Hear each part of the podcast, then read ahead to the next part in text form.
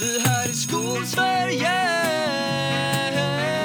Podden som handlar om den svenska skolan Med Karin Berg och Jakob Mölstam.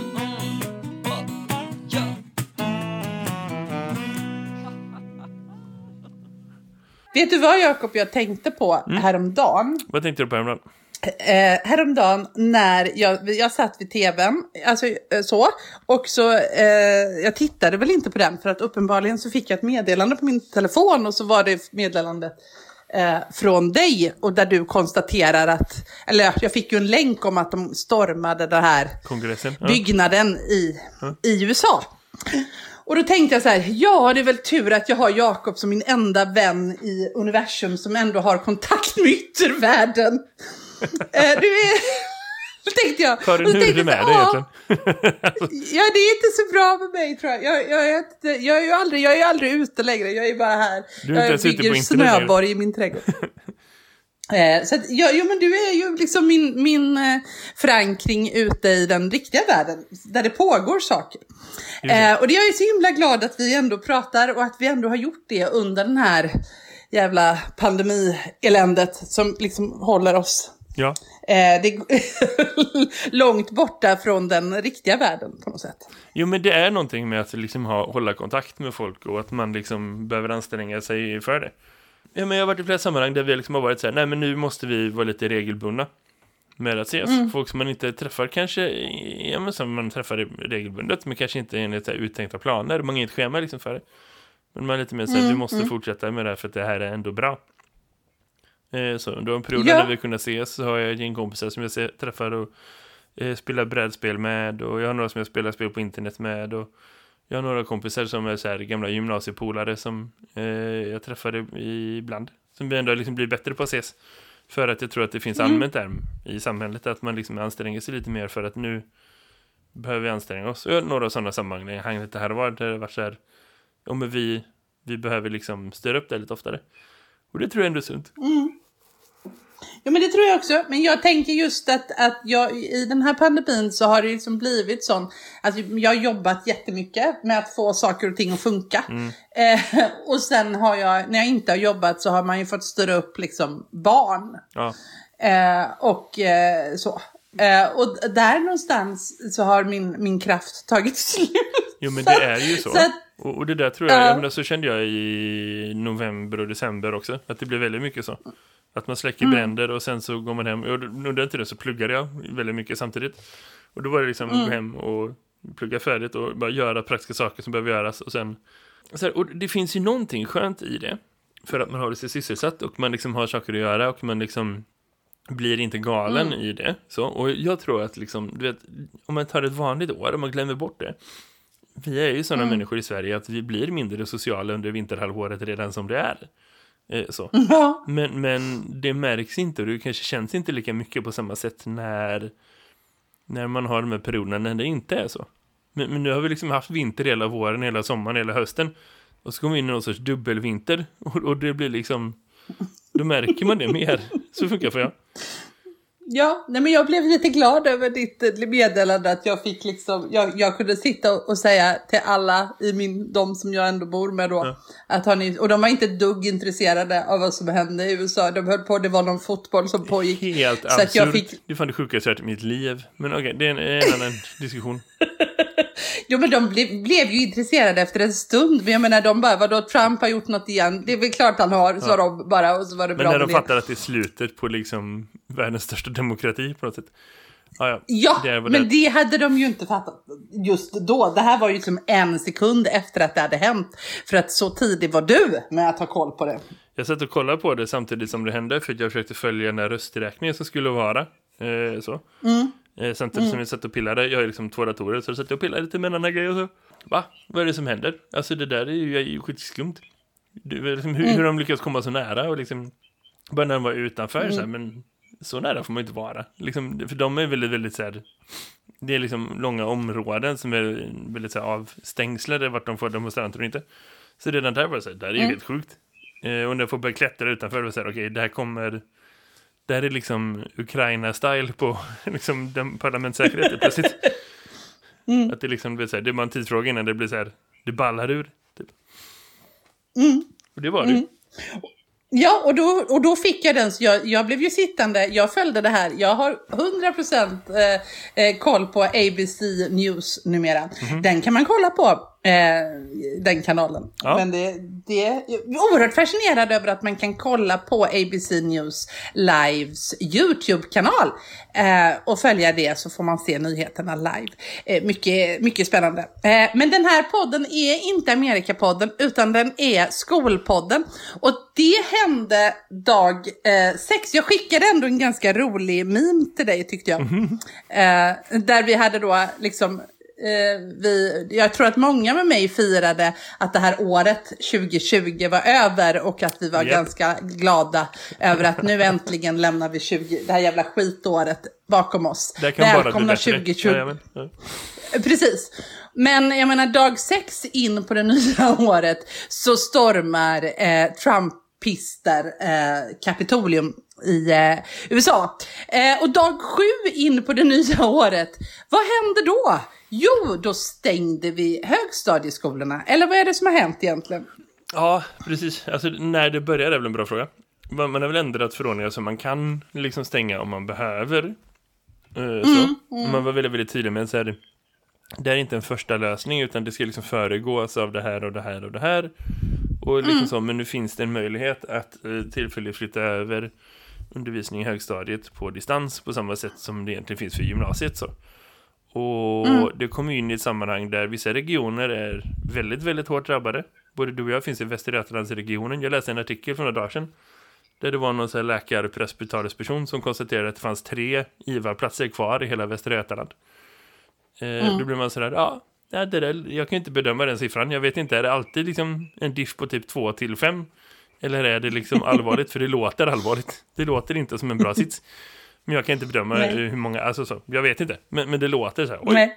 den siffran fick eh, och fastna i mitt huvud. Men hur som helst, Mm. eh, vi är ju en region där det är väldigt kraftigt drabbat. Så det var väl inte så förvånansvärt att, att politikerna i Göteborg bestämde sig för att direkt att alla ska vara på distans. Eh, så. Nej, det, jag tycker inte att det är, är, är särskilt förvånande.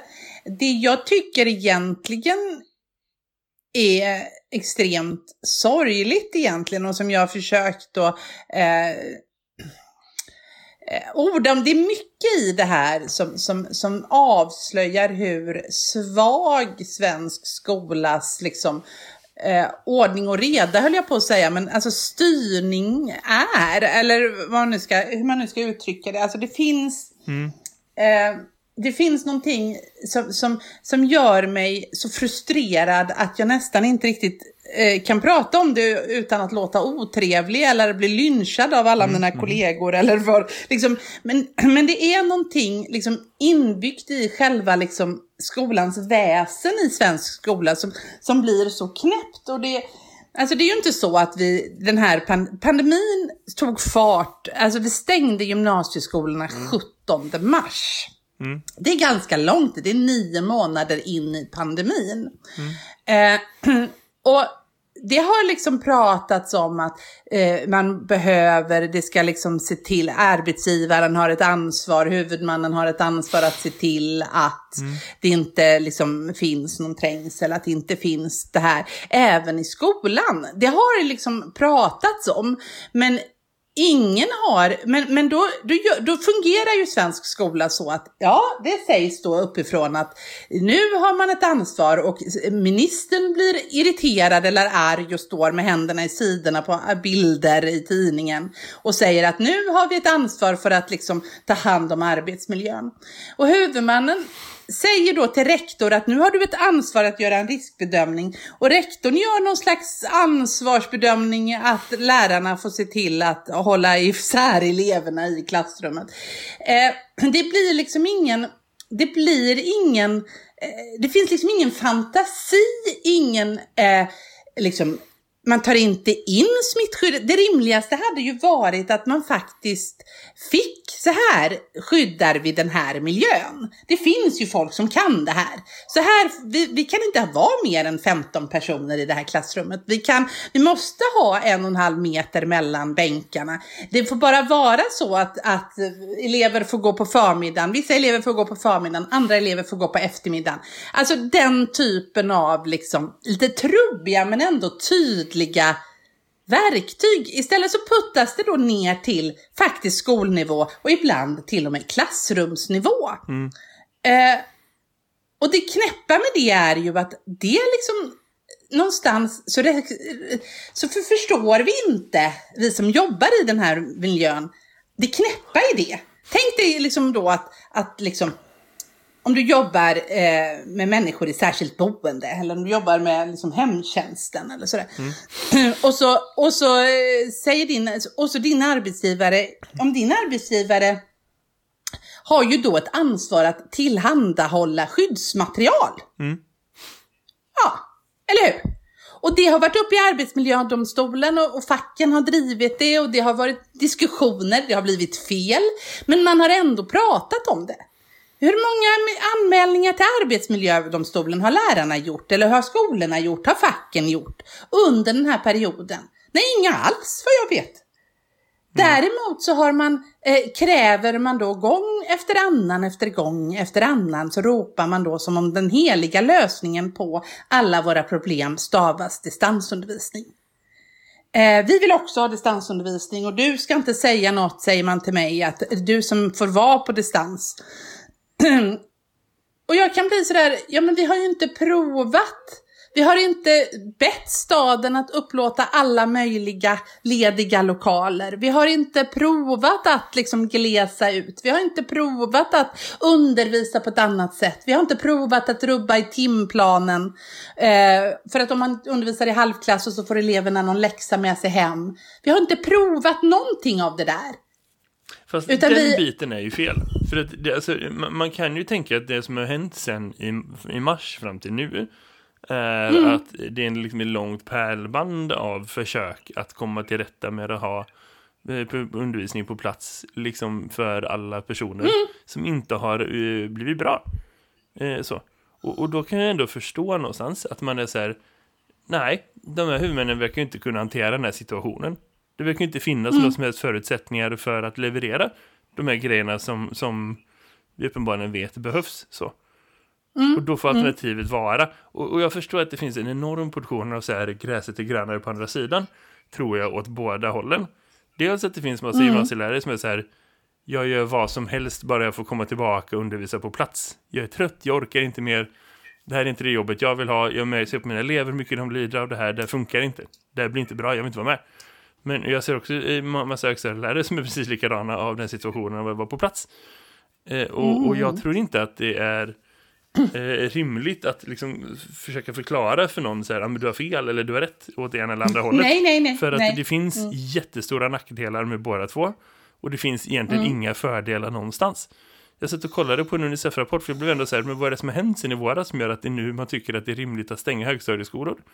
Och det är så här, mm. i hela världen så ser man fortfarande på forskning, liksom, när man bara mäter statistik, det är inte mm. forskning så. Men jo, det är det men det är en annan sorts forskning. Men när man bara kollar på liksom mm. samband och statistik och siffror så finns det nästan inga exempel på skolor som så här, superspridar liksom händelser så. Man har identifierat en gymnasieskola i Jerusalem i maj. Där det var så här, där, då ballade det ur. Och varför? Ja, det är ingen som vet, för det gjorde man inte en undersökning på då. Bra. Men i övrigt så är det så här, mm. nej, vi kan inte riktigt hitta några stora mönster. Snarare tvärtom när man kollar på liksom i, i USA. När man kollar på så här, hur är det gått när man öppnar upp skolorna delstat för delstat. Har du ballat ur i smittspridning då? Nej, det har det inte gjort. Det har inte blivit bättre eller sämre. När Unicef kollar igenom 191 länder och ser vad de haft för liksom öppet, stängt, halvt, vad de har haft för olika utvecklingar och hur det påverkat. Då ser man inga mönster överhuvudtaget. Nej. Det är liksom ändå så här, då visar det sig att det handlar inte om smittspridning utan det handlar om någonting annat. Och det är det som jag får mig mm. att fundera på när man tar det här beslutet. När man ser att så här, okej, okay, nu går vi över så man får stänga högstadieskola också. Är det liksom baserat på vad vi vet om corona? Eller är det baserat på vad vi ser om hur det går i verksamheten? För, och jag ser inte att det ena är mer eller mindre legitimt. För det kan vara så att man ser ur ett organisationsperspektiv att men efter nio månader av den här situationen så går det inte längre att genomföra. Det går inte längre att uppehålla. Mm, det är värt mm. att testa för att se om vi kan få det att funka bättre. Om inte annat så är det värt att man får den erfarenheten av att se nej, det där var ingenting jag vill gå tillbaka till. För att det kanske ger den liksom energin att säga okej, okay, men, men nu genomför vi det. För det finns en dimension av det där man har sagt från mm. alltså ledningshåll, från långt till, rektorsnivå, utan liksom längre bort. Så här, ministrar och liksom, vet, så här, chefer och så. Att de säger så här, vi, vi borde eh, vädra alla klassrum. Vi borde ändra så att man inte äter lunch samtidigt. Man borde ändra, flytta isär möblerna så det är en och en halv meter. Massa av de här rekommendationerna när de kommer till klassrummen så blir det så här lärare som reagerar med så här, men är du dum i huvudet, det där kommer aldrig fungera. Innan man testar, innan man genomför, innan man liksom, så, för man är så inne i så här, jag har aldrig haft resurser till någonting förut, jag har aldrig haft liksom möjlighet att göra på något annat sätt förut. Jag kanske haft det möblerat på det sättet hela tiden, för det är det som har stämt med de parametrarna som jag har haft. För då har det varit så här, mm. ser de bra, sitter de bra, är det liksom koncentration, det är sådana saker. Och då får man tänka att man måste införa en parameter som är viktigare än allt det. Nämligen att man bara håller det fysiska avståndet. Och sen finns det också det som har med tonåringar att göra. Att så här, man kanske ger upp lite inför tanken att säga, ja men det är viktigt när jag håller min genomgång att alla sitter med 90 cm eller med 150 cm avstånd. För så fort de rör sig någonstans mellan klassrum eller så, då är de liksom klossan. Så det är så här, vad, vad har det här egentligen för effekt? Eh, så, är du med? För det är så här, var ska jag stå? Ska jag gå efter varenda en och bara, hallå nu är ni lite för nära, hallå, hallå. Det, det, det, liksom, ja, nej, men... det, finns alla de parametrar som gör att lärare, man ger sig inte ens in och testar de här liksom, konkreta eh, åtgärderna som jag tycker borde vara rimliga. För att man kan inte föreställa sig att det ska funka. Och det kanske är så att först nu när man ser att det, ja, men det funkar utanför ICA, det funkar utanför liksom, i alla andra offentliga miljöer, att då är det mer rimligt att också föra in det i skolan. Jag vet inte. Nej men jag kan tycka så här att, att vi, vi, vi blir liksom så här, det skulle aldrig funka och så himlar vi med ögonen och det har vi aldrig haft innan och hit och dit. Alltså vi som, som kår säger mm. det innan vi har provat, precis som du säger. Och då missar vi också en specifik Eh, alltså, det är klart att eh, så fort det ringer ut till rast så är de ju ändå ihop. Jo, men i och med att du har olika signaler, det finns någonting bra i när du står på ICA. Folk, eh, det finns en poäng i när det står på ICA att det finns en plupp i marken där du ska stå i kö. Mm. Då håller du det avståndet för du blir påmind om att ja just det, mm. vi har en pandemi, vi måste hålla avstånd. Mm. Alla de här signalerna, om det är en och en halv meter skillnad i klassrummet så blir du påmind. Vi behöver de här påminnelserna mm. för att komma ihåg att tvätta händerna, för att komma ihåg Eh, och alla de är ju värdefulla i, ett, i liksom, även, alltså barn är också människor, känner jag en, någon som brukar säga, och det är du. Mm. alltså de, men man behöver det där. Eh, samtidigt som, och jag, jag tror liksom att vi, vi också, när vi liksom tror för det, det, det, blev ju en sån diskussion i alla fall igår. Ja, det var en debattartikel idag i Göteborgs-Posten där man hånar då att Skolverket går in och är ganska skarp mot huvudmannen och säger att eh, alltså huvudmannen ska se till att det vädras. Ventilationen ska fungera top notch. Det ska spritas i varje klassrum. Det ska ses över om man kan ha halvklasser. Det ska möbleras luftigt och så vidare. det här är liksom en uppgift för huvudmannen att lösa och kan man inte lösa det har man verkligen helhjärtat försökt, men man ska försöka. Eh, då, då kan man inte heller liksom ta ansvar för arbetsmiljön och då blir det distansundervisning om det, smittskyddet är så allvarligt. Eller smittspridningen, inte skyddet naturligtvis. Nej, nej. Eh, och då tar man det som en, en liksom direkta råd som om det vore läroplansskrivningar till läraren. Det är ju inte läraren som kan besluta om att vi ska ha halvklasser.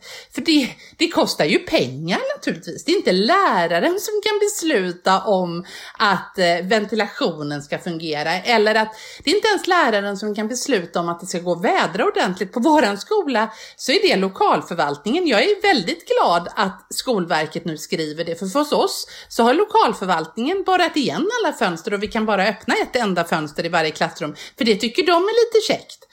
Uh, och de har vägrat under nio månader att uh, bara upp ett fönster så att vi kan vädra på två ställen i klassrummen. Det har varit ett reellt problem. Mm. När Skolverket säger så så kan de inte längre backa. Vi ska liksom inte ropa och skrika och håna sånt som faktiskt kan hjälpa oss för då sätter vi oss själva i skiten. Men det finns och det... två saker på det. Det ena, för att börja i den meningslösa detaljen. Jag har fått förklarat mm. för mig eh, av så här, luft... Eh, så här, konditioneringstekniker och dudes som dyker upp. Så är det när jag var på ny skola, det mm. funkar ju aldrig. Så att de, eh, det är ju där massa människor som är där och kalibrerar och fixar och donar.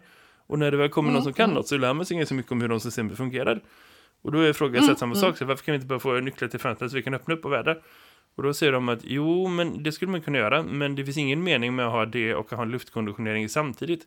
För luftkonditioneringar idag sköts centralt. Det är liksom inte en kontrollpanel utan det är liksom de, de baseras automatiskt baserat på sensorer. Så då känner de av så här, hur är luften här inne och liksom vad är det för temperatur och vad är det för ljus och vad är det för tid, hur mycket folk är det här och så. Och den datan blir korrupt om man har en massa fönster igång samtidigt. Så, så att, att liksom säga att man ska göra båda två, det funkar inte i, i, med skolor som har luftkonditioneringssystem som är liksom, ja men säg mindre än tio år gamla liksom, om man ska vara så.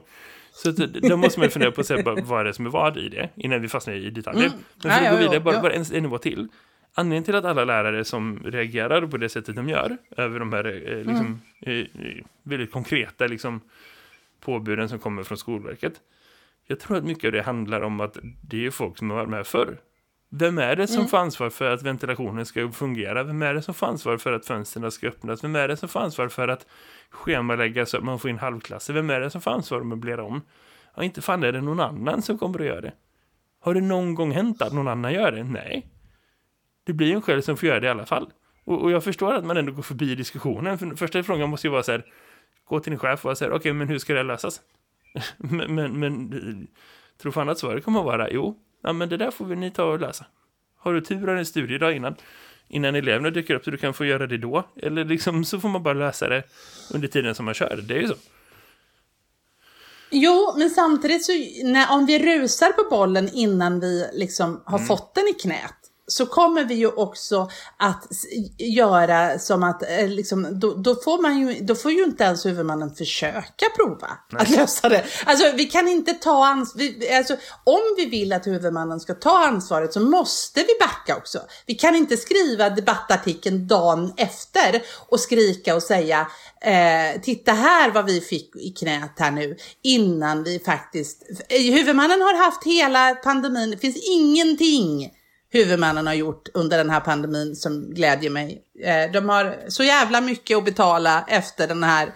Eh, det är ingen, finns ingen, jag är argast, bittrast över alla svenska skolors huvudmän eh, i hela världen. Det finns ingen bittrare än jag. Eh, men, men, men vi ska inte för den sakens skull ta skiten ifrån dem. Låt dem bli smutsiga. Låt dem få sina viten. Låt dem ta sin skit. Alltså, sen är det ju lätt att säga, eh, men nu har vi i alla fall fått en eh, distansundervisningssituation på väldigt, väldigt många håll. Och vad händer då? Då, gör, då händer ju precis samma sak. Då tar det ju, vadå, 32 sekunder innan vi eh, får de här inläggen på våra sociala medier där man skriver, nu ska jag ha distansundervisning på måndag. Eh, ge mig dina bästa tips. Eller hur ska jag lösa, vad ska vi, vad, jag hade den här strukturen tänkte jag, vad tror ni? Är det, blir det bra? Eh, ska jag använda Classroom eller ska jag använda det, våran lärplattforms chattfunktion? Vad tror ni? Istället för att det naturliga, gå till sin arbetsgrupp, gå till sin chef, gå till sin rektor, sätta sig ner, fundera på vilka parametrar är viktiga, vad behöver vi ha med? Och sen gå till forumet och säga så här har vi tänkt att lösa det, hur har ni tänkt att lösa det, ska vi befrukta våra varandras idéer? Det hade ju varit lite mer, istället går individen, läraren in, vad är det som gör att vi är så extremt individualistiska? Att vi rusar in till forumet för att vi inte tror. Det finns liksom en sån låg tilltro från oss på att någon annan, att det ska finnas en organisation, att vi rusar på den bollen innan vi har faktiskt ens har frågat, finns det någon plan här? Alltså, jag tror Är inte att det är mig? en person, eh, liksom en individuell grej. Jag tror inte att det är en person, liksom, centrerad problematik. Att det är en massa människor Nej. som inte fattar, utan jag, jag, jag, jag får inte ihop det. Utan det- måste ju vara att man är påverkad av den verkligheten som man finns i normalt. Så. Och, och Mm. Ja. jag förstår vad du säger, att så här, det är inte smart att vara liksom så himla snabba i just den här lösningen. Det är ju något av de få sakerna som lärare egentligen är bra på. Att vara snabba på att lösa saker. Och det är ju en liksom Mm. överlevnadsstrategi, så det man inte säga till folk att sluta vara. Men liksom, eh, att, att det är en skillnad på att börja tänka så här, hur skulle jag vilja ha det? Hur skulle jag göra? Om jag ser mitt schema framför mig, vilka anpassningar skulle jag vara så här, ja men där kan jag lätt tänka mig att göra. Nu tänker jag på riktigt på det schemat som jag kommer gå in i med mina kollegor och mina elever efter, efter jullovet. Liksom. Okej, men det är det här framför mig, jag skulle kunna göra si och så. De här anpassningarna var ganska enkla, det här kanske man borde fundera lite på. Nu är jag helt plötsligt på en skola som har plats för hur många elever som helst, men som inte har så många som är på plats. Vad får det för konsekvenser? Vad tror jag min chef kommer vilja säga? Så, så man ändå börjar föregå lite liksom, i den diskussionen. Man kan skriva ner lite planer, börja diskutera med några personer. Så. Men, men man ska nog inte liksom börja implementera lösningar. Det är den biten som jag tror kanske man behöver pausa lite i. Så, och, så man kan gå till chef och säga, okej men det här är tre problem som vi ser. Vi behöver få hjälp att lösa det här och där och där, eh, hantera det. Och händer ingenting så har man någon plan i bakhuvudet, för den har man gått och tänkt ut. Och då behöver man inte utsätta sig för det här att liksom eh, stå där med brallorna nere. För det är det som någonstans händer när man bara säger så här, ah, men ta inte det, rör inte det. Att då kommer man bara för, förlora den lilla, lilla tiden man har innan man ska vara där. Och den enda som förlorar på det är lärarna själv och eleverna naturligtvis. Men menar liksom, det finns ingen utvecklingsledare på något centralt förvaltningskontor någonstans i ett kommunhus någonstans i Sverige som förlorar någonting på att de inte gör sitt jobb. Så är det ju inte. Utan det är ju liksom Nej. lärarna de tjänar, eller inte tjänar. Det är ju, det är ju liksom de som förlorar på det. Så att, att man liksom Ja, går in i ett brutet system och tänker så här, ja, men fan, jag får lösa det själv då. Det, det ska man verkligen inte slå ner på, för det är typ den enda orsaken till att hälften av Sveriges skolor fungerar. Och det har ingenting med corona att göra, det blir tydligare med corona. Men det har att göra Mm. med att vi inte har en fungerande skolsystem från början till slut. Eh, så. Ja, men, men det är just det som blir så tydligt och det är just det som vi ska belysa om och om igen. Men om vi inte ser att det är det som händer själva. Om vi, alltså jag förstår, alltså det är inte meningen att låta anklagande eller arg eller frustrerad på, på enskilda individer som, som, eh, som liksom inte, det handlar inte om det utan det handlar om själva fenomenet att vi eh, att, att det finns liksom en, en, en väl utbredd, jag, jag vet, vi vet Lucy Crahan som eh, skrev den här boken om Clever Lens. eh, som vi har, hon har ju varit med i den här podden för länge sedan. Men det är en, hon har rest runt i skolsystem och är en skolutvecklare eller alltså hon är någon forskare av något slag. Eh, och hon, hon var ju i Sverige i några veckor och hon menar ju på just att just det, att det inte finns någon struktur att falla tillbaka på. Det finns inga till, tydliga spelregler, vare sig i läroplan eller i strukturen i skolans digitala system eller i betygssystem. Det finns liksom inga tydliga, så här gör vi det här, utan allting ska läraren i singularis uppfinna själv och det är liksom det som gör att det, det är nästan liksom, som hon menade på då, jag pratade länge med henne om detta, att, att eh, att eh, svenska lärare är helgon i hennes ögon, för att hur i helvete är det ens möjligt att lösa? Eh, och det, men jag tror också att vi, så att därför menar jag på att vi behöver få syn på det. Och vi behöver också få syn på att kollektivt fråga runt i, alltså i, det, i, den bästa, i den bästa av världar så vore det så att grundskoleförvaltningen i Göteborg nu som har fått det här beslutet i knät tittade över, kom med ett, liksom ett, ett grundförslag för eh, digital struktur utifrån att vi har Chromebooks på de allra, allra flesta eh, grundskolor i eh, Göteborg, utifrån att vi jobbar i Google Classroom, eh, utifrån att, och så att vi har en grundläggande digital struktur, att så här, det här är ett minimum för vad man skulle kunna kalla en lektion, det här är en eh, det, det här är lärdomarna vi har fått. Länka till allt material som finns på UR, som finns på, på Skola Hemma. Att liksom ha jobbat fram den här. De, de har haft sedan 17 mars på sig. Så att jag, liksom, det borde kunna finnas en sån plan. Och att man sen lämnar över den till rektorer som då kan implementera det eh, i de riktiga skolorna, eh, alltså i de verkliga skolorna mm. och så mm. vidare. Eh, men har då eh, liksom alla lärarna redan rusat in i digita- eh, distansundervisning Sverige, eller vad den heter, Facebookgruppen i, i eh, och frågat sig själv hur gör man här, precis som du säger, eller att man har en plan. Eh, individuellt så kommer ju det här, den här strukturen att mötas av, ja men jag läste att man skulle göra så här, eller jag vet att man skulle göra så här. Och men jag det förstår, blir det, det finns ju... lite för mycket kockar i den soppan. Det, det, ju, det går inte att diskutera liksom. Men jag tror att det beteendet kommer Nej. från att det är någon sorts liksom yrkesskada av för många år i krig. Liksom. Det är någon sorts professionell posttraumatisk stress. Liksom. Att man direkt bara, ja ah, men det är fara, jag fixar det, vi gör så här. Det, det tar ju liksom jo, jo. sekunder innan lärare har liksom löst vilken jävla skit som kastas på dem som helst. Och det är liksom vårt svarta bälte. Så att man, man ska vara lite försiktig med det. Det är inte hälsosamt, det är inte bra. Och, eh, så, och det är kanske det, om man skulle liksom ta det till en nivå till av den diskussionen innan vi går mm. vidare. Eh, det mm. är inte hälsosamt. Vi måste förstå Nej. att liksom, nu har vi tiotusentals lärare igen som är på väg mm. in i, i liksom en ny form av undervisning på kort varsel. Och liksom mm. det finns saker att lära sig från hela världen där man har gjort liksom den sortens insatser och så. Det finns in, i, liksom saker att lära sig från, från liksom gymnasieskolan där man har testat det i olika former nu ett tag. Och liksom någonstans mm. låter det som att så här, men var snäll mot dig själv och var snäll mot dina elever och fokusera på det, liksom det mänskliga, det sociala. Tänk att vi plötsligt har massa, massa, massa elever som kommer liksom förlora hela sitt sociala umgänge. Folk som kanske tyckte det var gött att gå på jullov. Men att det bara var gött för att man visste att man kunde få komma tillbaka. Och nu vet man inte om det är att man kommer tillbaka i 24 januari eller om du kommer tillbaka i mars eller om du kommer tillbaka efter sommaren. Liksom. Eh, mm. så. Det är ingen som vet. Mm. Eh, och, och den, den, osäkerheten, där har vi ett bättre jobb att göra, faktiskt. Och då kan, mm. det finns som en konsekvens när lärare blir stressade, säger jag, för att jag själv är en sån person att man tappar lite styrfart och man tappar lite så här, riktning och liksom orienteringsförmåga. Mm. Och man blir liksom sådär, men herregud är det en sak till, det där kan inte jag ta ansvar för. Och utan Nej. att säga att liksom, lära för mycket ansvar så tror jag att så här, vi har möjlighet att göra ett bra jobb. Och vi har för möjlighet att vara de lärarna vi vill vara. Så ligger det mm. närmre mm. våra elever och längre bort ifrån organisationsfrågor. Så.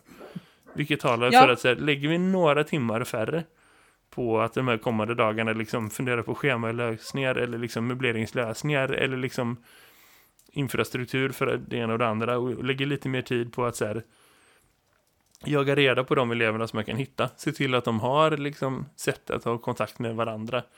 Jag diskuterar med några av våra högstadieelever kring så här, okej, okay, men vad tror ni man skaffar liksom en Discord-server där man kan hjälpas åt med skoluppgifter, där man kan spela tillsammans, där man kan kolla på grejer tillsammans, där man kan dela liksom grejer ihop i så. Eh, och de bara direkt, ja men det låter jättebra, det måste vi börja fixa, det måste vi börja kolla på. Och liksom, hur kan vi sprida ut det? Kan du eh, be de andra lärarna att liksom sprida ut den länken till alla så att alla får vara med så att det inte bara är de som man var kompis med i vanliga fall. För, för sanningen är mm. ju liksom att sociala nätverk, om man tänker sig gruppchatter och kedjor och så, det är inte alltid att det är alla. Har du 30 elever som går i 8A så är det kanske 15 av dem, 20 av dem som finns med i den stora gruppchatten för alla i klassen. Liksom. För de andra finns inte där eller man tänker inte på att de inte har eller att de inte liksom är intresserade av det eller de har inte liksom sina vänner på det sättet eller de är kanske kompis med någon i 8B istället eller så. Men att man liksom mm. man förlorar massa socialt umgänge och det är en väldigt, väldigt viktig grej för hälsan om man vill tänka på liksom att man jobbar med folk som kanske är i en ålder där man är särskilt beroende av att ha bra socialt umgänge liksom så. Och det är inte mm. en oviktig faktor. Oftast blir det någonting som är så störande. För de fokuserar mer på det ibland än på det man vill försöka undervisa dem. Och det kan vara nog så frustrerande. Men det är inte en ursäkt att tänka att här, man inte har ett ansvar för att förmedla det liksom forumet. Och i vanliga fall så räcker det med bara, här är en skola, kom hit varje dag mellan 8 och 3. Bra. Då har man liksom försett de flesta ungar med ett bra socialt utbyte som är så här, okej, okay, det är fint. Och det är liksom något grundläggande som man behöver och det är fint. Men, men när den fysiska mötet försvinner så, så händer också någonting med hela upplevelsen av att gå i skolan. Och det har en direkt koppling till ork och motivation för studieuppgifter och så också. Och därför är det superviktigt mm. att vi fokuserar lite på det. Och, och det kommer inte eh, några liksom utvecklingsledare eller förvaltningsmuppar tänka på. Utan det är kanske liksom lärare och liksom kuratorer och liksom elevassistenter ja. och liksom de som jobbar, vi som jobbar nära eleverna. Det är vi som kommer få liksom tänka på det. Det är vi som kommer få uppmana elever att liksom så göra sig till känna och hjälpas åt med att styra upp det. Och det tror jag att det är där någonstans vi kan börja. Istället för att tänka att vi ska läsa saker åt våra chefer. Sen tror jag absolut att det är ett smart överlevnadstips att sitta och tänka i bakhuvudet. Hur skulle jag vilja att det var? För att det är alltid ja, min erfarenhet, oavsett vilken chef jag haft, vilken arbetsgivare jag haft. Jag har alltid haft större inflytande när jag har kunnat säga så här. Okej, okay, men jag hör vad du säger, men jag tror inte att det är bra för jag tror att det här är bättre. Istället för att man tar liksom bara första halvan. Är så. Och det är det som finns som risk när det blir det här negativa gnället. Liksom. Att det är så här, ja ja, men är du inte produktiv så, eller är du inte konstruktiv så finns det inte så mycket att säga. Och det är en grej som jag har lärt mig att jobba som utvecklingsledare på deltid i ett par år. Att när man pratar med människor mm. som inte längre är lärare, eller som aldrig har varit lärare men som jobbar i skolan mm. på liksom organisationsnivå, vad de säger mm. efter ett tag, inte alla, men många, liksom när de inser att mm. så här, det här är inte en person som jag behöver vara rädd för, fast att han är lärare. För att han är också mm. en av oss, för man kan liksom röra sig mellan de kretsarna så. Så, så mm. är mm. det att liksom, det finns en enormt etablerad bild av lärare som oflexibla och liksom oförstående och liksom osystematiska och så. Och mycket av det mm, kommer mm, från att mm. vi är ostrukturerade i våran input.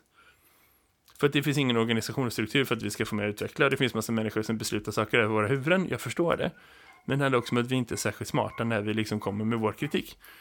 Så när det kommer till att säga, stoppa, för det kommer finnas hundratusentals idéer som jag säger, ja ah, men det där mm. låter jättedumt. Ungefär som att vi ska köra maxa luftkonditioneringen och öppna fönster samtidigt. Hade jag varit liksom ventilationstekniker mm. så hade jag sagt så här, okej okay, men så här måste du tänka. Och presentera mm. en bättre lösning så. Eh, mm. liksom på de här skolorna så har vi bra system. Där ska vi inte ha öppna fönster. Här borta har ni skit. Vi har inte bytt ut dem för det kostar hundratusentals kronor. Här kan vi ha ett öppna mm. fönster för att det är typ den enda lösningen. Eh, så.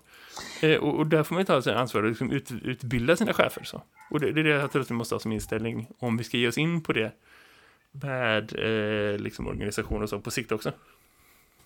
Ja men absolut, men vi ska också ställa krav tycker jag på våra, alltså, på våra, våra chefer och våra huvudmän att, att säga att, att eh, så här borde det se ut. Vi borde liksom ha en gemensam plan. Vi borde liksom kräva att det finns en kompetens på våra förvaltningar. Eller åtminstone liksom att det finns en kompetens i vad liksom att man har tagit reda på vilka faktorer som är viktiga vid distansundervisning. Att strukturen är viktig, att eleverna faktiskt möts av, inte ett kaos eh, eller ett liksom fullständigt, eh, mm. eh, utan att det finns, men också ett stödmaterial för lärarna som gör att det är möjligt att, alltså det vi ska göra är ju att bedriva undervisning. Vi ska inte hålla på att uppfinna strukturella metoder var vi ska liksom hålla på med undervisningen. Vi ska inte köpa möbler till våra klassrum. Vi ska inte möblera våra klassrum. Nej. Alltså om det inte är utifrån att det är en pedagogisk idé. Men vi ska, liksom, vi ska inte hålla på. Det är inte så att vi står och skruvar upp whiteboards eller, mm. eh, utan det är, eh, och, och, precis lika lite är det vår uppgift att hålla på och eh, ordna den digitala gränssnittet liksom, eller liksom ja, sådär. Ja. Utan det ska, där måste vi någonstans ställa krav på att det här och det här och det här och det här måste fungera. Och sen inte lösa det åt dem. Eh, utan då får, då får det liksom någonstans, någon gång måste det jag vet inte, men vi kommer aldrig att komma ur den här spiralen. Jag förstår inte varför våra fackförbund inte ställer de här kraven. Jag förstår inte vad det är. Men vi lämnar den här frågan hängande i luften med att jag är sur. Det blir nej, roligt. Men, nej, men vänta vi ska bara gå vidare till en annan som har lite mer att göra. Ja. Eh, för om man kollar ja. globalt just nu så är det ungefär så att ungefär femtedel av världens elever har liksom ingen eh, strukturerad skola att gå i. Eh, så. Eh, när det Hur många kom, sa du? Eh, ungefär en femtedel. Eh, så. Att man liksom saknar kontakt med klassrum är det som står i den här texten jag läser på Unesco. De har ju den här databasen som vi varit inne på förut. Just nu så ligger den nere för underhåll smidigt. Ett par dagar. Så jag kan inte gå in och kolla. Men i första december så var det 320 miljoner elever. Eller en femtedel av världens skolålderselever. Som inte går i eh, skola på det sättet. Eh, det står så här, classrooms for nearly one in five school children globally or 320 million are closed. Så det är liksom det då. Så. Eh, och i vissa ställen som var borta i hela nio månader och man har börjat kolla på så här, vad finns det och hur ska man gå till när man öppnar upp då. Så då har liksom eh, WHO tagit fram en riktlinje baserad på liksom eh, forskning och genomgångar från hela världen kring liksom hur det funkar i skolor och hur det gått när man öppnat lite grann och så. Och sammanställt den informationen som finns och vad det som var bra. Och så har man tagit fram en hel rapport, den är 20 sidor så det är inte så farligt. Och så har de liksom vad de kallar för essential actions, liksom viktiga saker att göra. Så har de några saker på nationell nivå, åtta saker. Några saker på vad de kallar för subnationell nivå, alltså någon sorts regional nivå. Det blir nio områden. Och sen 21 punkter på skolnivå.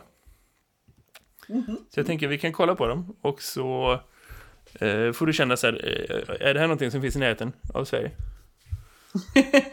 eh, och en del av dem Ja. handlar om det är olika faser då. Så i en återöppningsfas så, så säger de att det behöver finnas kontinuerligt uppdaterade nationella riktlinjer om hur man ska göra för att öppna upp.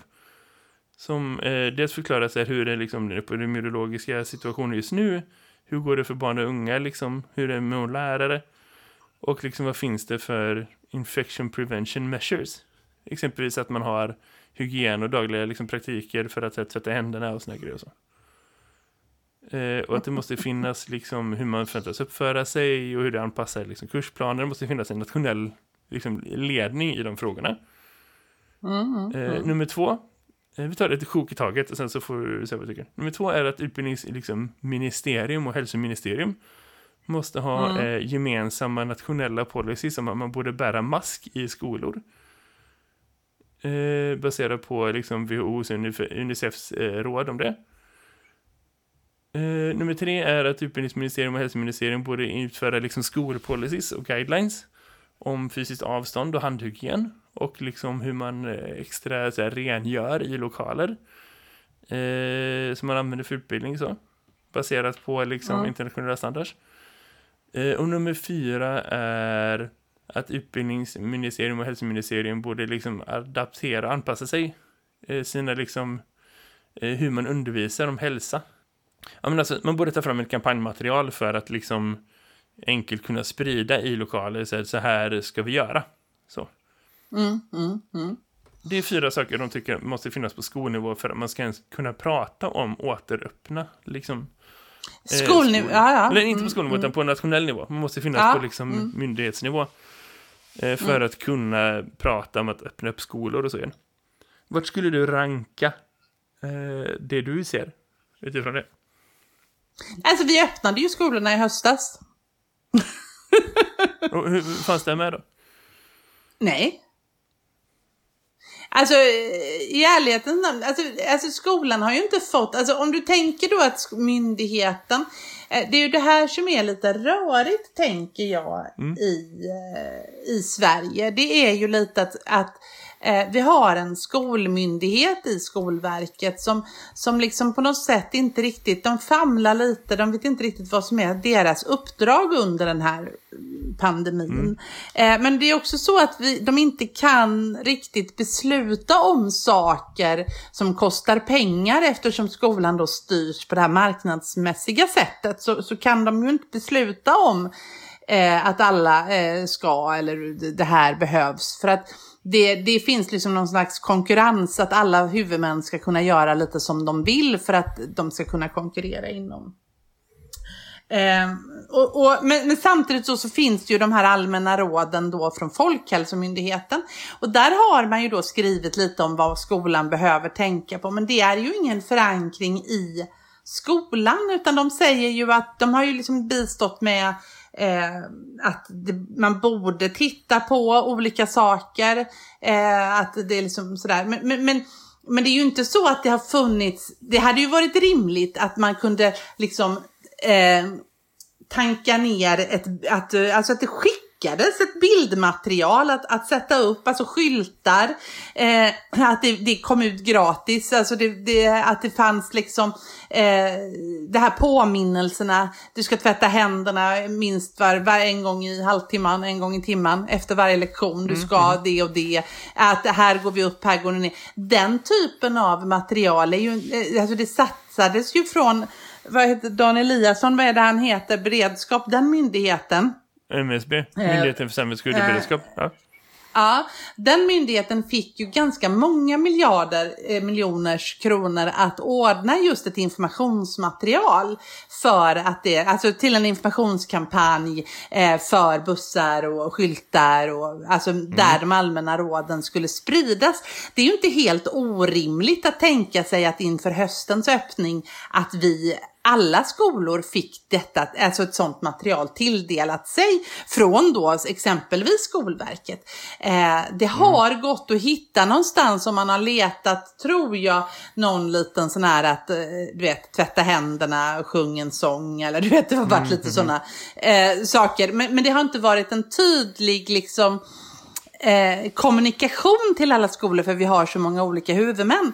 Så att vi har en, eftersom skolan är så extremt decentraliserad i Sverige så, så är det svårt att eh, nå ut med den information om den nu har funnits. Eh, och jag tänker faktiskt. också att det borde finnas liksom ett sätt att eh, anpassa det till, till specifikt skolmiljön. Jag tror att det är det som är problemet. Mm. För de råden så mm. finns ett sätt så borde bete dig i allmänheten. Mm. Det är inte riktigt samma sak. Dels för att man behöver tänka, tänka man tilltalar yngre personer i olika åldrar, mm. men också att man anpassar sig efter den verksamheten. Liksom så. Mm. För det, det kanske är så på en nationell policynivå att så här, man ser till att de har fler raster så att de kommer ut oftare. För att det mm. är positivt så. Eller se till att mm. liksom justera skolstarten så att inte alla börjar samma minut. Eller liksom enkelriktiga trapphus eller vet, sådana grejer. Det är, så här, det är sådana grejer som man borde fundera lite på. Eh, men det jo, det borde ju vara självklart. Ja. Att det så, att det här måste ni bara lösa. Och, och sen får ni liksom, ni får liksom ha lite, för det, det tycker jag är så konstigt att det är liksom inte någon som löste lite och går inte det när då Alltså det, det, det, är liksom på något sätt mm. flummigt, jag vet inte. Men, ja. men okej, vi kollar vidare på regional nivå då. Då finns det fem mm. förslag som finns på så här, för att man ska kunna öppna upp liksom eh, fasen då. Det första är mm. att mm. regionala eller lokala hälsomyndigheter eller liksom så, eh, mm. antingen så här, lokalt smittskydd och så, samarbetar mm. med lokala skolhuvudmän för att säkra sig om att det finns epidemiologiska liksom, övervakningssystem för att kunna liksom smittspåra på ett bra sätt. Eh, nummer mm. två är att man ska försäkra sig om att skolor har liksom, de kallar sig för sig response protocols, alltså typ handlingsplaner kanske. Eh, som mm. är i linje med de hälsorekommendationer som finns på nationell nivå. Eh, mm. Eller regionala nivåer om man har liksom olika för olika områden då. Att man mm. supportar och underhåller kritiska behov av liksom i skolor som handlar om exempelvis att, tillgång till eh, renhållningsmaterial, typ så alkohol eller handsprit eller liksom eh, tvål och masker och sån här personal mm, protective mm, mm. equipment och så för eh, alla personal som ska hjälpa till att städa eller undervisa eller så. Och att det finns mm, liksom mm. tillgängligt för elever, lärare och skolpersonal i den utsträckning de behöver. Mm. Eh, och nummer fyra, se till att de här liksom, de kallas för wash facilities. Eh, eh, water, sanitation and hygiene. Alltså egentligen hand, handtvättningsstationer och så. Att de funkar mm. i lärmiljöer och att de är liksom används i, och är på plats innan man börjar öppna upp skolor. Att man liksom använder dem regelbundet och att det är lättillgängligt så. Jag var på mm. hos min optiker häromdagen, för det måste man göra regelbundet. Helt plötsligt har de mm. fyra handfat i den lilla, lilla optikerstället. Man bara, ska vi tvätta samtidigt? ja, okej. Okay. Eh, det var liksom, det bara helt plötsligt dykt upp. Eh, så. Eh, mm. Det, och vilket är bra. Mm. Och nummer fem mm. är att man bryter ner och disseminerar eh, liksom health education messages, det vi pratar om. Eh, mm. Så att man kan använda dem för att främja risk och liksom eh, så här, risk, riskmedvetenhet och liksom bra beteenden och så. Mm. Eh, mm. så att man kan ha budskap om hur man öppnar upp skolor säkert för studenter och deras familjer. Eh, och se till att alla kan följa de meddelandena. Eh, så. Eh, så det är de fem sakerna som jag tycker det måste finnas på regional nivå. Mm. Eh, grejer som jag funderar på som jag tänker att där är man aldrig pratat om det är liksom tillgången på med wash facilities, alltså vatten och sanitation och hygien och så. Att man liksom, alltså mm. hela de lösningarna. Hur ska man se till att det finns handsprit överallt? Hur ska man se till att det, det finns bra rutiner för det? Hur ofta borde man göra det? Behöver man säga till elever typ att så här, in, in på varje lektion så ska du gå och tvätta dina händer. För i så fall behöver man ha den rutinen så tydligt att det finns. Eller är det mm, liksom mm. Eh, varannan lektion? Eller liksom hur gör man det? För det ska minska trängsel men att det ändå ska finnas möjligheter att göra. Borde man se till att det finns handfat i varje klassrum liksom? Ja, och det är ju en jättesvår grej för då ska, du spruta, eh, då ska det ju dit vatten och det ska hit och dit. Men, men, men egentligen borde det ju schemaläggas handtvätt. Jag tror alla klassrum som jag är har alltså tillgång till vatten. Så. Ja, det, men det har ju inte min 1800-talsskola. Det är ju ett elände. Varje, vi var tvungna att bygga nya toaletter. Det, kan alltså, det är en diskussion för sig, för den är ju från 1800-talet. Det är ju ett jätteprojekt liksom. Ja. Eh, så det skulle vi inte lösa. Men däremot, eh, eh, så jag vet att det är en svår fråga att få tillgång till vatten i varje klassrum. Men går det så vore ju det vettigt naturligtvis att, att eh, liksom. Eh, men, men, men självklart så tänker jag ju att, att eh, det där är ju också frågor som, som behöver just att Alltså det, det, är ju en jätteenkel, att det ska schemaläggas handtvätt egentligen. Och så med så jämna mellanrum som då mm. smittskyddet kräver. Jag vet ju inte hur ofta det är, men, men att det ska liksom, det står ju bara ofta, men att liksom, vad är rimligt då? Att man, man, man med hjälp av en smittskyddsläkare faktiskt får, liksom, får hjälp med den typen av råd. Att, att eh, det är ju inte helt omöjligt i alla fall att lösa i en svensk skola för det finns ju regler för hur mycket, många toaletter det ska finnas och tvättställ det ska finnas och sådär. Mm. Eh, så det, det borde ju, ju gå att lösa på ett smittskyddsvänligt eh, sätt. Mm. Eh, och det tänker jag att det behöver man ju liksom införa för även gymnasieelever. Alltså att nu har vi en rast för handtvätt. Eh, så, för att de glömmer ju också bort, eller det finns ju liksom någonting i det här mm som vi pratade om innan, just det här påminnelser om att nu är vi i en pandemi. Jag behöver också den, inte just med handtvätt, jag har tvättat sönder mina händer, men, men mm. i någon slags eh, annan form av tvångsbeteende. Men, men, men eh, andra påminnelser om, mm. alltså så här att så kan du inte bete dig, så ska du göra. Eh, det, vi behöver ju dem, för det är mänskligt att falla tillbaka i gamla invanda rutiner. Mm. Eh, så att det, det tror, jag, tror jag är jätteviktigt. Men jag tror också att där, där är ju någonting som också finns. Det finns en etablerad kontakt eh, på de allra, allra flesta håll, skulle jag tro i alla fall, eh, mellan just smittspårningen. Den har väl ändå, den har väl ändå eh, liksom smittspårning och smittskydd har väl ändå kontakt med våra skolor, eller är det bara kommunala skolor, kom jag på när jag sa det. Och hur bra är de rutinerna? Jag vet inte. För det här är, det här är ju inte Nej, en på utan det är bara... Alltså, för att tänka på saker, ja. hur ser man det i WHO när man pratar om hela världen, liksom så. För att prata om mm. så, hur, hur mm. allvarligt har vi det i Sverige och hur ligger det till. Ska vi gå och kolla på mm. skolnivå? Eh, här finns ja. det en... Den här mm. listan är längre. Eh, så, vill jag bara ja, för. det är klart att den är. Ja, mm. eh, nummer ett, eh, om vi bara, fortfarande bara pratar om så här, för att kunna öppna upp fasen. Eh, så pratar mm. man om att man borde sätta upp ett school support team eh, som eh, liksom anpassas efter den lokala kontexten. Det kan vara lärare, skoladministratörer, elever, föräldrar, alltså så, som kan vara med och bedöma liksom, möjligheten att genomföra olika eh, liksom, eh, insatser och anpassningar så, innan skolan mm. öppnas upp igen. Eh, baserat på de nationella och regionala liksom, myndigheternas arbeten så. Och det skulle mm. exempelvis kunna innebära att man liksom bedömer lokalerna eller liksom möjligheten att hålla avstånd eller vad finns det för möjligheter att tvätta händer och hålla en bra handhygien och så. Vad mm. finns det för behov av liksom eh, elever som har så här eh, health conditions och special needs, särskilda behov helt enkelt. Mm. Eh, så. Och liksom, vad finns det för alternativ för att eh, minska att man liksom blandar elever på olika sätt? Eh, så, det är det ena. Det andra Mm. är att den här gruppen, eh, de kallar det för SST, eh, vet du? School Support Team, Mm, SST, ska eh, revidera policies för eh, liksom närvarokrav och så.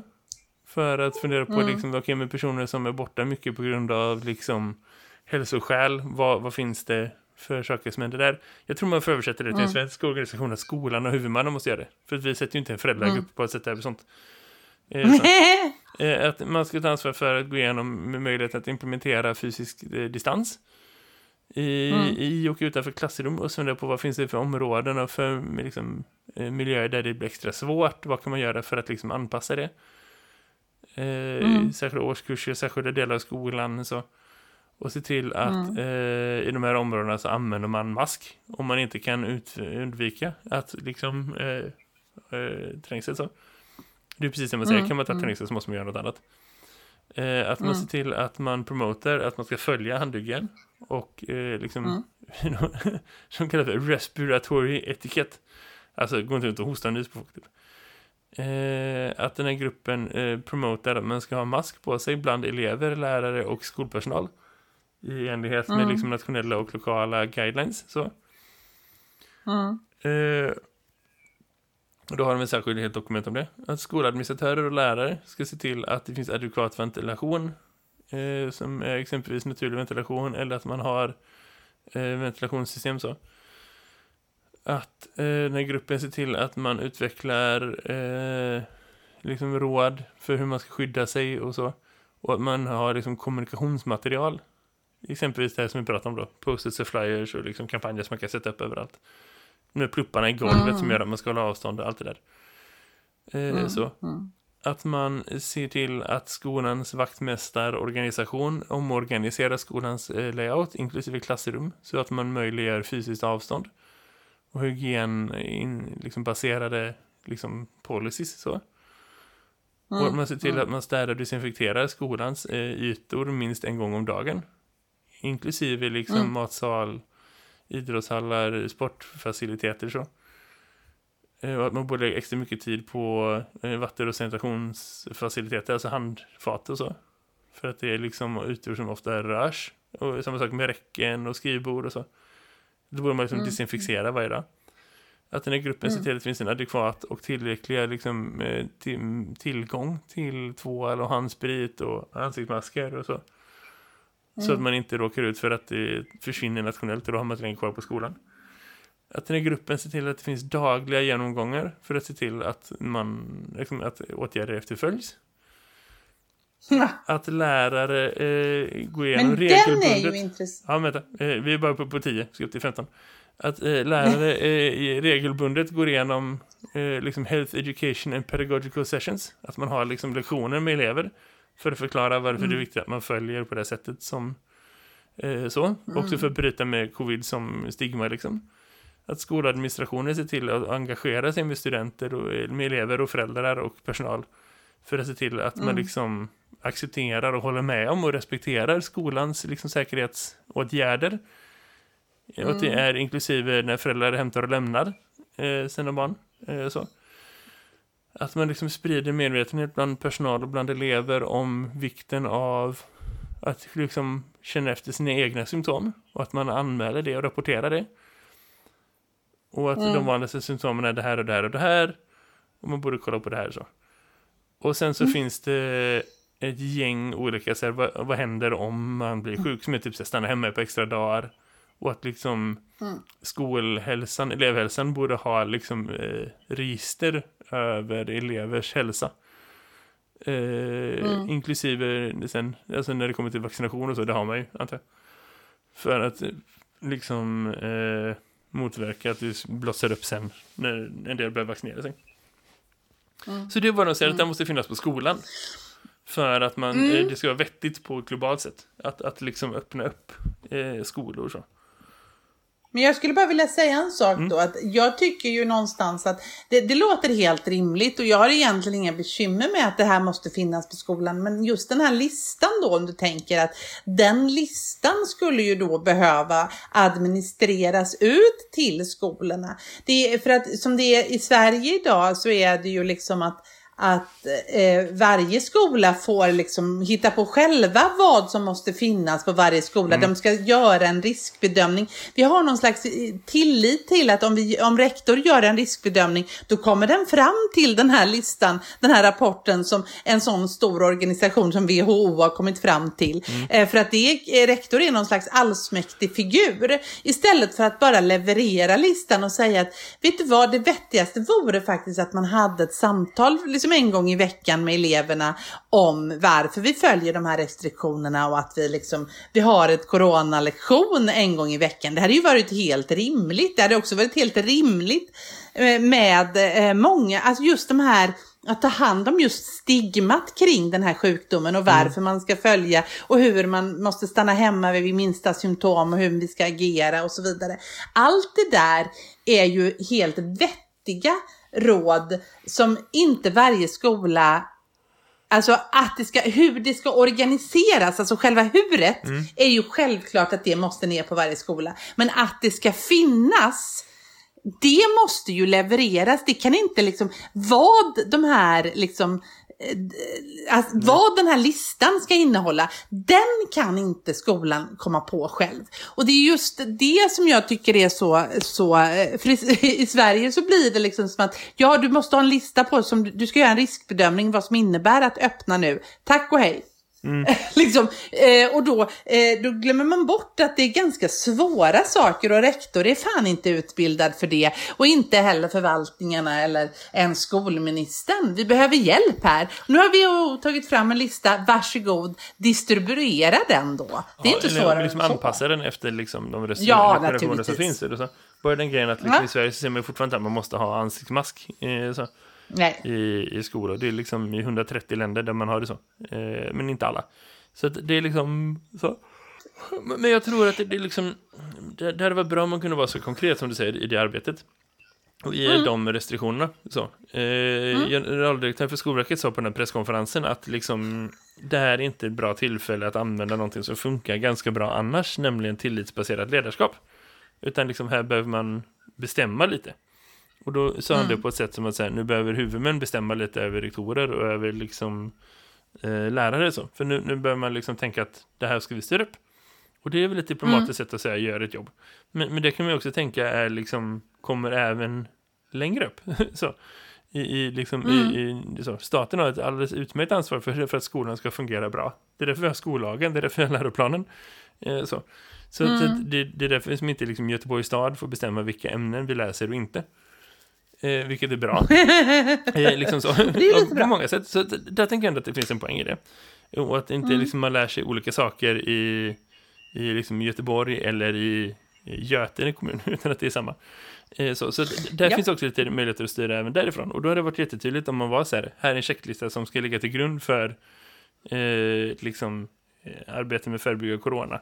Och grunden ja. i det, exempelvis tillsätta en arbetsgrupp på varje skola som ska liksom ansvarar för det här, som ska träffas regelbundet och utvärdera hur det här går utifrån de här mm. punkterna. Mm. Så. Hade man bara gett... Liksom, har ni en corona? Absolut ja. inte. Men hade man haft en, ett krav på att alla Sveriges skolor ska ha liksom, en arbetsgrupp. Det ska bestå av. Eh, rektor, det ska bestå av lärare, det ska bestå av de här och de här. De ska prata mm. om de här åtgärderna. Man ska gå igenom varje vecka. Man ska avsätta 90 minuter. Du ska prata om de här tio sakerna som återkommer. Och sen ska ni också mm. ansvara för det här och det här och det här. Hade det funnits mm. sen i april så hade det inte varit några problem. Om det funnits krav på det, ja, ah, det hade varit problem. Då hade vi ändå haft en annan situation. Ja, men absolut. Hade vi, då hade vi, vi har en coronagrupp, ska jag faktiskt ja, säga. Men det är, det, är, det, är min, det är min rektors förtjänst att vi har det.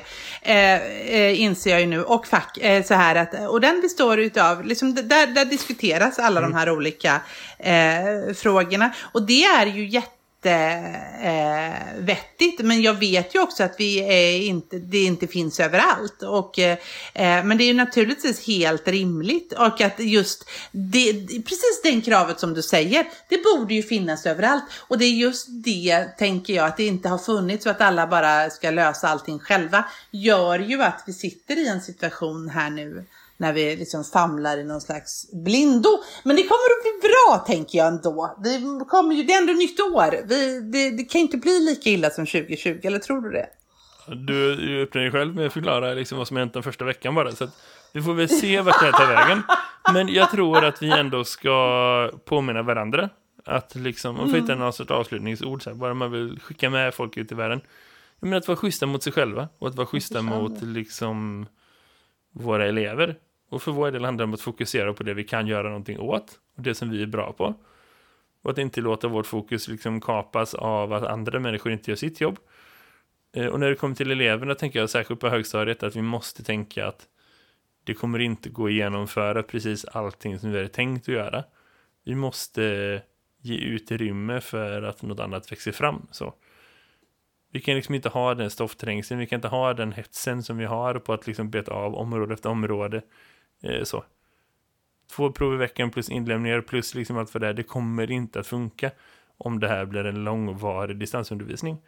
Och det har, det, det tror jag faktiskt att var och en kan, kan vara lite så här bidragande i, i hur mycket press man sätter på elever på det sättet. För det är jobbigt nog som det är när högstadiet är på plats. Och det kommer inte bli lättare för eleverna nu. Eh, nu. Och för att liksom vända tillbaka till lärarna, jag tror alla högstadielärare vet hur det är att jaga elever som är på plats i samma byggnad för att säga, hallå du har inte lämnat in det här än, ge mig det här nu, du måste bli klar med det här, blir du klar till imorgon? Nej! Eh, de diskussionerna går inte att ha via Classroom. Eller via Google Meet. Nej, tro mig, det är faktiskt det absolut. Och det måste man planera för. Eh, tro mig, det är absolut en av de absolut eh, mest tidskrävande saker som händer när saker blir på distans. Det är att man inte får tag i dem man ska prata med. Just det. Och det får vi försöka klura ut bra lösningar ja. på. Karin, det var ett samtal det här det var också. Det. Eh, himla intressant. Vi får se vad som händer. Eh, om en vecka så kanske det har brunnit ner några nya parlament. Eller så har det kanske hänt någonting mer på skolfronten vad gäller liksom distans inte. Du kanske har svaren på alla våra frågor, vem vet? Ja! Det får bara tiden utvisa. Det får den, hörru du. Vi eh, hörs igen om en vecka, eller hur Jakob? Mm. Det gör vi. Ha det, ha det bra. Vi här i Skolsverige